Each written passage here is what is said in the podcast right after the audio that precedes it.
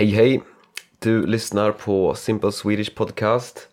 Eh, jag heter Fredrik och eh, idag ska jag läsa en artikel som eh, jag skrev på lätt svenska om den svenska påsken. Först vill jag bara tacka en ny patron som heter Olga, Olga DY.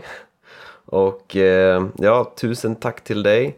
Och eh, om det finns eh, någon annan som eh, också vill stödja det här projektet eh, så gå in på min hemsida swedishlinguist.com Där kan du hitta länkar till min eh, Patreon-sida.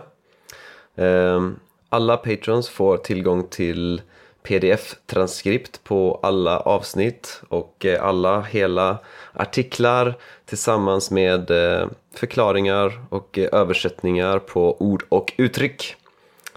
Ehm, så ja, gå in där och eh, där kan du också hitta massa andra saker. Eh, så, jag ska nu läsa artikeln som jag skrev. I Sverige har vi firat påsk sedan tiden då Sverige blev kristet. Det var på 1000-talet. Nu för tiden består våra traditioner av en blandning av gamla och nya och av kristna och hedniska. Ordet påsk kommer ifrån eh, det hebreiska ordet pesach och det är namnet på den eh, judiska påsken. Det var under den högtiden som Jesus red in i Jerusalem. Folk la palmblad på marken framför Jesus och därför kallas den dagen för palmsöndagen. Palmsöndagen är den första dagen i den så kallade stilla veckan. Stilla veckan är den sista veckan då folk brukade fasta. Att fasta betyder att man inte äter. Fredagen den här veckan kallas för långfredagen. Det var då Jesus blev korsfäst. Stilla veckan slutar på lördagen som kallas påskafton. På söndagen kom Jesus tillbaka till livet. Han återuppstod och den dagen firas därför som påskdagen. Måndagen efter kallas för annandag påsk. I Sverige är både långfredagen och annandag påsk helgdagar. Hur vi firar påsk i Sverige har också blivit påverkat av folktro. Förr i tiden trodde man att häxor åkte till en plats som heter Blåkulla natten till långfredagen. Där träffade de djävulen och festade hela natten. Vilka traditioner har vi idag? Det är förstås fortfarande en viktig helg för kyrkan, även om Sverige nu för tiden är väldigt sekulärt.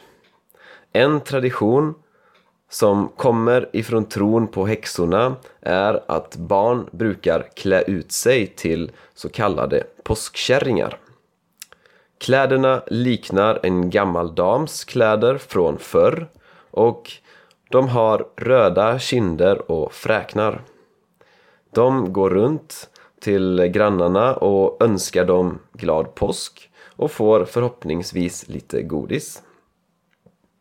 En annan tradition är att leta efter påskägg. Föräldrar gömmer ofta ägg fyllda med godis i trädgården och barnen måste leta för att hitta dem. Man säger att det är påskharen som har kommit med ägget. En hare är som en lite större kanin. Det är vanligt att pynta med så kallat påskris.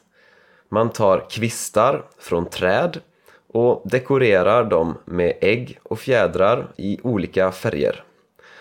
Det är vanligt att måla äggen för hand. Man använder förstås tomma ägg. Hur får man äggen tomma?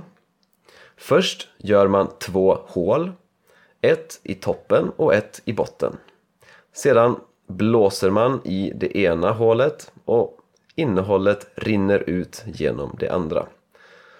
Sen målar man ägget och hänger det i påskriset.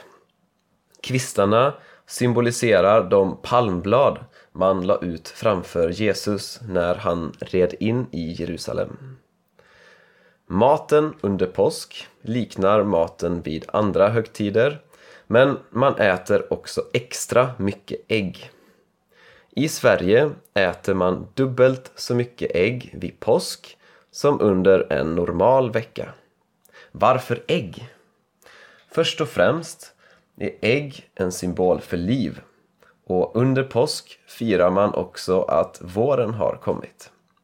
En annan orsak är att det fanns extra mycket ägg just under påsk eftersom man inte fick äta några ägg under fastan. Det är också under påskhelgen som man säljer som mest godis i Sverige, nämligen 6000 ton. Så det var hela artikeln och eh, ungefär halva finns på min hemsida swedishlinguist.com. Om du vill få tillgång till hela artikeln så kan du stödja mig på Patreon. Eh, och om du gillar den här podden får du jättegärna likea den och följa den och dela den med alla dina vänner. Den finns på Spotify och iTunes, även på Podbean-appen. Och eh, förut så har eh, Eh, inte alla avsnitt eh, varit tillgängliga på, på eh, Spotify utan bara de 20 senaste.